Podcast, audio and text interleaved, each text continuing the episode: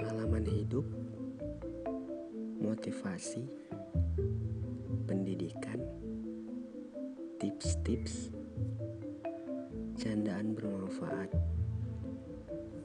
obrolan ilmu. Semuanya bisa kalian dapatkan di podcast Mudir Muhasabah Diri. Gue bakal mewawancarai teman-teman